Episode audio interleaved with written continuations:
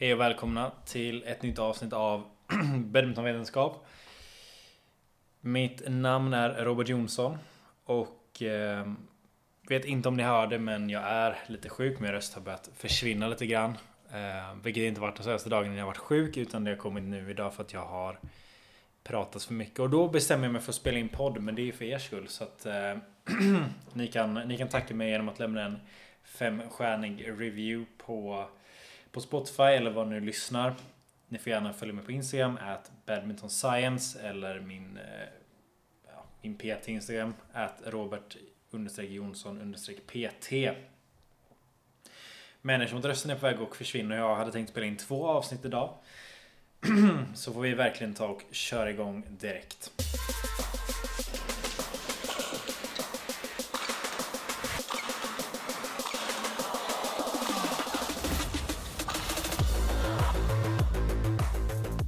Tidigare avsnitten så har vi pratat om hur man ska träna för herrsingel, damsingel och herrdubbel.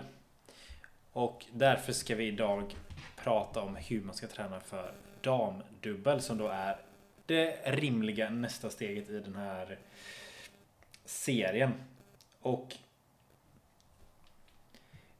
jag ska börja med att, som jag kommer säga i nästa avsnitt också, jag sa det i förra avsnittet, kolla eller snarare lyssna på de andra avsnitten för de pratar väldigt generellt om hur en badmintonspelare bör träna och eh, vad som är viktigt att veta. Så även om du spelar damdubbel så har du definitivt nytta av att lyssna på herrsingel för det är väl det avsnittet där jag pratar om det mest generella. Så jag tänker inte upprepa mig för mycket utan vi hoppar in i att prata om damdubbel direkt och det kräver ju som, som vet explosivitet och de, damdubbel är väl den kategorin som jag upplever har ökat explosiviteten mest av alla kategorier de senaste åren. Man, man ser betydligt mer hårda, alltså inte hårda slag på det sättet för det har alltid varit hårda slag men men man ser betydligt mer hoppsmashar, man ser betydligt mer aggressivt spel. Och, ehm, och det har gjort den kategorin väldigt mycket roligare att kolla på. Men nu pratar vi om de här extrema delarna. Så explosivitet har jag pratat om tidigare, men det, det ska man fortfarande jobba på. Det ska man alltid jobba på. Om du har för många perioder under året där du inte har mål att, att bygga explosivitet och snabbhet så, så bör du förmodligen se över din träningsplan. För det kommer ändå vara otroligt viktigt och avgörande.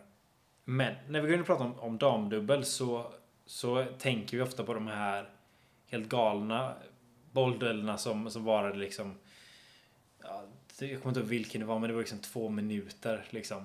En bollduell. Om man kollar på det och eh, hur, hur överlever man det där? Och det kan man ju se i just damdubbel att det är, det är generellt fler långa bolldueller. Man rör sig inte jättemycket. Eller alltså man täcker inte så mycket ytor. Men man behöver hela tiden vara... Det kräver väldigt mycket mental energi att vara fokuserad under så långa bolldueller. För även om, om, eh, om man kan orka det rent fysiskt så betyder det fortfarande att du inte... Du kan inte slappna av och börja slå dåliga slag.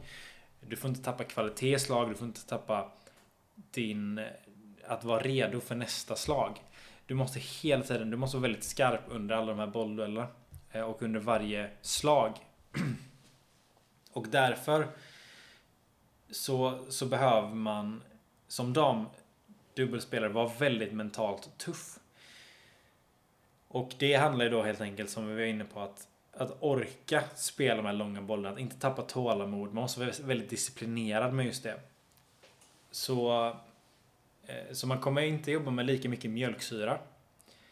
Men pulsen däremot. Det kommer, det kommer vara väldigt, väldigt mycket aerobt. Som, som det kommer ställa krav på. Och därför kommer vi in på det här som jag rekommenderar. Definitivt att jag rekommenderar 70-20 intervaller.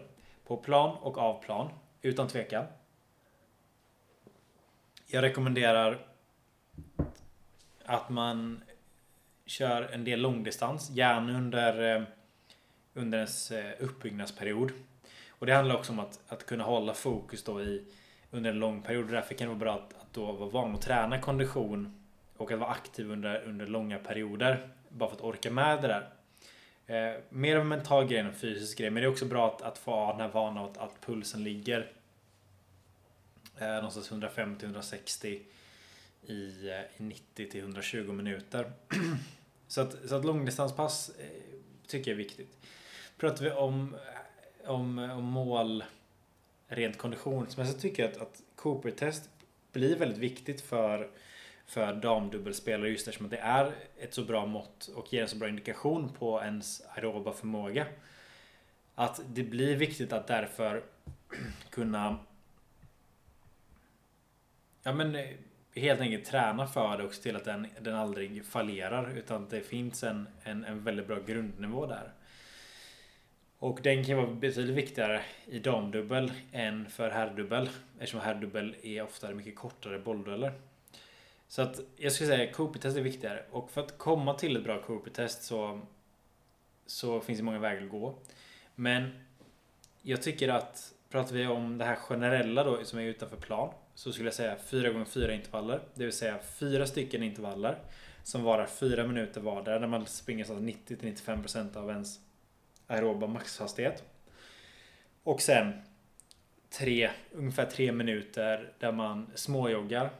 Eh, man håller uppe pulsen men, men du ligger någonstans i 70% av, eh, av din eh, aeroba maxhastighet. Och ja, man upprepar det så totalt 16 minuter hård arbetstid och så vilar man ju då totalt 9 minuter som fortfarande är en del av träningen. Så Plus uppvärmning så som jag skulle säga ungefär 10 minuter. Småjogg, jogg, eh, lite töjning. Eh, sådär. Så 10 minuter där, 10 minuter cooldown. Ungefär samma. Men sen aktiv tid då är det ju 25 minuter som man, som man kommer vara eh, och hålla på. Ehm, plus då, ja, ungefär ja, typ plus 20 minuter. Sen har vi 70-20 intervaller och där kan jag säga någonstans runt 12-14 för, för konditionsutveckling. När vi pratar om att till exempel jogga. Men eh, jag skulle gärna slänga in eh, fler. Så man kanske försöker komma upp ännu högre. Det beror på hur hårt man vill jobba här.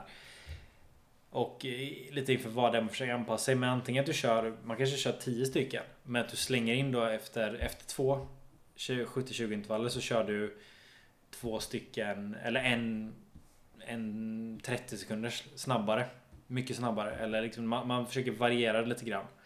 Men just de här lite längre uthållighetsperioderna skulle jag definitivt rekommendera. Sen skadar det inte att jobba med mycket mjölksyra heller. Att, att köra någon en minut eh, på väldigt hårt och vila två, tre minuter efter det. På plan så skulle jag säga att, att man, har, man har stor nytta av att jobba med, med mycket eh, Snackar vi multi skulle jag väl liksom att man går upp mot så här 20 bollar Ehm, och, och jobba mycket, mycket med, med det. Sen är det fortfarande att det ska vara kvalitet på det så det är också viktigt att det inte bara blir ett väldigt högt tempo. Där du, man bara slår utan att det ska alltid finnas en tanke med det. Det ska vara, eh, det ska vara krav på kvalitet i, i de slagen. För att det spelar ingen roll om du, du rent fysiskt klarar av det om du inte mentalt kan klara av att hålla in bollen.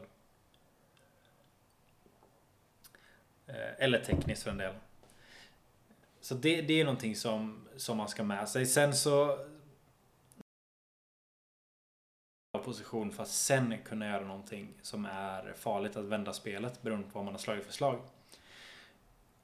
Jag lyssnade på den danske fystränaren som, som pratade om när han jobbade med eh, Rytterhjul och Pedersen. Som var, de kämpade mycket med, med det här att vara snabba framåt och sen Säg att du, de står i defensiv position sida sida. Och det kommer en dropp. Att de, de var inte så bra på att komma fram och sen komma tillbaka från de positionerna. Utan att de, de, de kämpade mycket med det och hamnade därför i sämre positioner som gjorde det svårt för dem att ta sig ur eller att ta ett övertag. Det han... Som de började jobba med lite grann var att de körde... De hade... Det finns typ som... Eh, det ser ut som... Ja, det är någon typ av gummi eller ja, gummiboll typ som är lite kantig. Den har lite hörn så, så att när man släpper den i marken Släpper du en tennisboll i marken så kommer den studsa rakt upp. Eller beroende på hur du kastar. Men om du släpper den rakt ner så kommer den studsa rakt upp igen. En sån här eh, grej, när du släpper den så kommer den att, på grund av att den är ojämn, så kommer den att studsa åt något annat håll.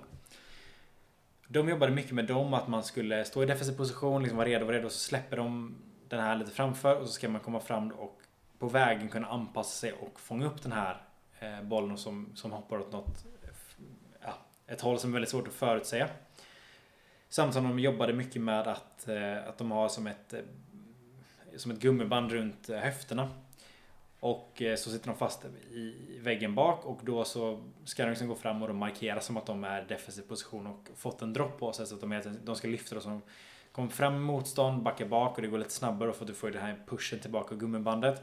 Och sen till, till nästa hörna framåt. Eh, de jobbade mycket med de bitarna och det är någonting som jag verkligen tycker är väldigt relevant, högst, högst relevant i, i damdubbel just för att där du får inte tappa position. Tappar du position så kommer du att eh, få jobba väldigt hårt fysiskt för att, för att ta ikapp det. Och när man pratar om det här att hela tiden bygga små, små, små, små övertag hela tiden under de här långa bollduellerna så blir det ännu viktigare att du aldrig hamnar i en dålig position för att då kommer det bli ännu svårare att ta sig ur dem sen. Och eh, det är då någonting som, det är två grejer som jag tycker man kan jobba specifikt med damdubbel. Även om alla spelare, det finns ingen spelare i, alltså alla kategorier har nytta av det här. För alla behöver bli snabbare på att komma framåt ändå. Men sen har vi också i, i damdubbel eh, det, det, är viktigt att ha en viss smidighet och en viss rörlighet i, i den kategorin. Att du, att du är väldigt flytande på planen. Det får inte vara några typer av begränsningar i, i eh, det är klart man kan se det. Det finns vissa spelare som ser rätt stela ut när de spelar. Även på hög nivå. Eh, de har magen mycket mot, mot nätet hela tiden. Man ser att de, det är som att de inte använder rotationen ordentligt. Men det är någonting som jag inte tycker man ska eftersträva. Utan det kan att, att det ser ut så när man spelar. Men jag skulle verkligen rekommendera att man jobbar mycket med, med höftrörlighet. Mycket med eh, hur man, om man tänker att man står i, eh, i en sumo position Hur rörlig är man sida sida där liksom? Om du skulle tippa överkroppen åt, åt eh, höger eller vänster, fram eller bak. Liksom. Hur, hur smidig är du i den positionen? Inte för att du kommer befinna dig när du spelar damdubbel så mycket. Men det är liksom, hur, hur, rörlig är man där? Och jag tycker att det är väldigt viktigt att, eh, att jobba just på den rörligheten. På samma sätt som att det kommer väldigt viktigt med bålstabilitet och vara väldigt stark i bålen i allmänhet just för att du kommer du kommer behöva det väldigt mycket under, eh, under matcherna som ofta är längre då. Vilket innebär att du kommer behöva dem ännu mer. Men sen så har vi ju som, som jag sagt tidigare att just det här att sticka ut lite grann och verkligen jobba explosivitet. Jobba explosivitet hela tiden. Är du snabbare så kommer du med största sannolikhet vinna matchen. Eh, okej, det var lite överdrivet men du har större chans att vinna om du blir snabbare än om du är lika snabb som du är nu. Så kan vi säga i alla fall med, med väldigt stor sannolikhet. Och ehm, det, det är mycket det som vi vill att man ska ta med sig för att just damdubbel där är det så viktigt att man har den här precisionen och man har uthålligheten både mentalt och fysiskt. Men vad jag skulle vilja lägga till också när man, när man spelar eh, när man tränar damdubbel. Och det här är någonting som jag, jag upplever att det är mycket problem med det här och, och det beror ju ofta på att man det finns inte så många tjejer som spelar när man kommer upp på en viss nivå. Eller som ens, alltså en viss ålder snarare, kan jag också säga. Och det är att man spelar ofta mot killar. Och killar gillar generellt att smasha mer än vad man ser i damdubbel där det är mer kliddueller Och då är det viktigt att vara väldigt tydlig att om du, spelar, om du är en damdubbelspelare och du Ja, det, fin, liksom det, det är en kille som, som är på två, sen kör två mot en och det är två killar på andra sidan eller det är en kille och en tjej. Se till att spelet blir så likt damdubbel som möjligt så att inte killen är bak och bara slår neråt, neråt, neråt hela tiden. Utan se att, att vara väldigt tydlig med att okej, okay, du, får, du, du måste, du måste cleara också. Du måste spela in, du måste tänka mer damdubbel. Eh, även om det är bra, eh, jättebra att träna mot, mot eh, herrsing, eller herrdubbelspelare också. Just för att då får man vara väldigt snabb i, i offensiva eller i defensiva med racket och verkligen jobba med rackethantering. Men det är viktigt att det inte bara blir herrdubbelspel. För sen när du spelar mot dam, damdubbelspelare då kommer, som är vana vid att spela mot andra damdubbelspelare. Då kommer bollduellerna du kommer tappa precision. Du, du kommer inte vara beredd på den typen av spel. Eh, och det kommer väldigt svårt att ta dig ur det också. Så det är bara viktigt att du är väldigt tydlig med att att säga till killarna om du skulle möta några att liksom spela damdubbel. Eh, det mesta är den tiden. Men sen ska man såklart utnyttja också att, att det finns en kille som, som kanske kan slå hårdare än vad man är van vid. Så man får, bli, så man får lära sig att vara defensiv i den här situationen också. Eh, så det, det var väl typ det. Men, men för att sammanfatta lite grann då. Konditionen, syreupptagningsförmågan, mycket viktig här. Jobba på, på att förbättra Cooper-test. 70-20 intervaller. Släng in några 30-30 ibland. 4 x 4 Jobba definitivt på explosivitet. Det är inget snack om saken, det måste man göra. Stark bål och mycket rörligt så att man kan flyta runt över plan på ett väldigt smidigt sätt och väldigt energieffektivt sätt. Och eh, som vanligt, liksom, jag, jag rekommenderar alltid att man, man, ska, man ska göra mycket videoanalys men var inte för blinda på att kolla på de bästa i världen om du inte är i närheten av den nivån själv för att de, de spelar på ett annat sätt. Det absolut bästa är om du, kan, om du kan sitta på en tävling och kolla på om du är B-klassad, kolla hur spelar A-klassare då? Vad skiljer en A-klassad spelare från mig? Vad skiljer ett A-klassat par från mig? Eller om du är A-klassad själv och du vill bara vinna A-klass tävlingar. Alltså, eller inte bara, men att det är där man, man vill börja vinna A-klass tävlingar. Då handlar det om att kolla, okej, okay, men vad, hur spelar de som är i final? Varför är de i final? Hur vinner de matcher? Hur spelar de mot folk som är lika bra? Mot sämre? Vad är det som händer? Analysera det. Sen finns det absolut jättemycket bra med att kolla på när, eh, när det är finaler liksom i, i de största tävlingarna. Men det är nog bättre att kolla på de som är i närheten av en själv. Jag skulle säga att det är bättre att kolla om du vill kolla på proffs, försök kolla det inte i kommentatorer så att du inte får deras eh, visa ord i dina öron utan att liksom försöka tänka själv. Kolla mycket på vad, vad som händer på Europatouren, liksom badmintoneurope.tv. Kolla någon damdubbelmatch som spelat där, kanske tidig kvalrond i någon tävling. Och försök bara analysera det spelet. Vad händer där? Vad gör de för misstag? Vad gör de bra? Vad gör de dåligt? Ser man någonting väldigt tydligt som, som utmärker dem. Och, ehm, och, och verkligen ta till er det.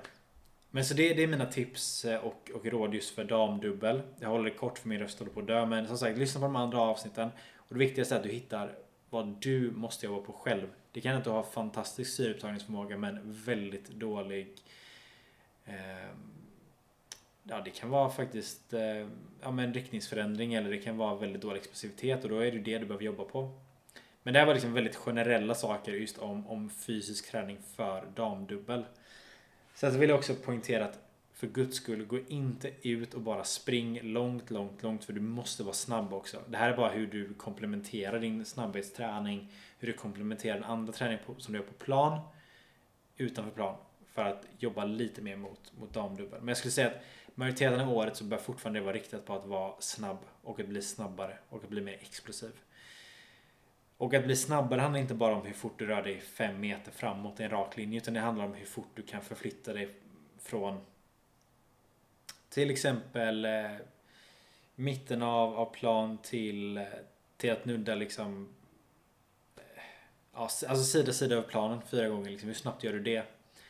Eh, Sådana saker, det, det, det ska man också ha med sig. Men just under försäsongsträningen eller när man har en lite lugnare period att, att, att jobba på de bitarna lite mer då med, med uthållighet. Men är du bara uthållig utan snabbhet så kommer det inte göra så mycket för dig.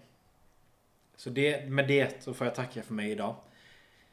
Jag eh, kommer att spela in nästa avsnitt. Om min röst håller efter den engelska podden så kommer jag spela in den nu och släppa den snart. Annars så får ni vänta lite till, tyvärr. Men tack så mycket för mig. Ha det bra. Hoppas vi hörs nästa gång.